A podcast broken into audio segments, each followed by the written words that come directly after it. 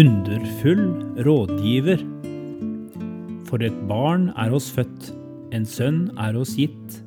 Herreveldet er lagt på hans skulder. Han har fått navnet Underfull rådgiver. Jesaja 9, 6. Når profeten Jesaja ramser opp en rekke titler på den ideelle kongen som en dag skal komme, er det ikke bemerkelsesverdig hva han starter med?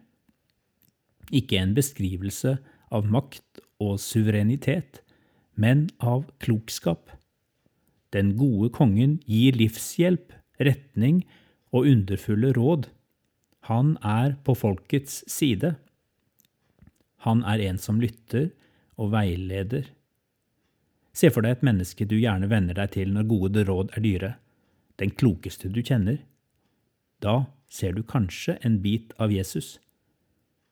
Jeg tror vi feilaktig tenker at en god rådgiver er en som forteller oss nøyaktig hvilke steg vi skal ta, en som gir oss svar før vi vet hva vi egentlig har tenkt å spørre om. Jeg har hørt sagt at et av de største kommunikasjonsproblemer i vår tid er at vi lytter for å svare istedenfor å lytte for å forstå. Jesus er vår underfulle rådgiver som lytter for å forstå. Han stiller de rette spørsmålene.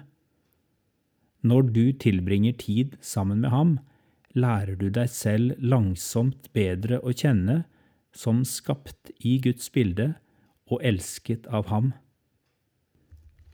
Så har det hendt noen ganger når jeg samtaler med et annet menneske.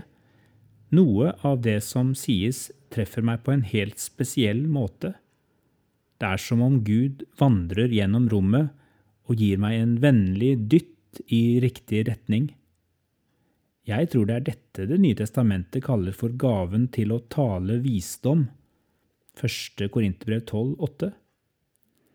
Underfull rådgiver lever og virker midt iblant oss fortsatt i dag. Jeg øver meg på å lytte.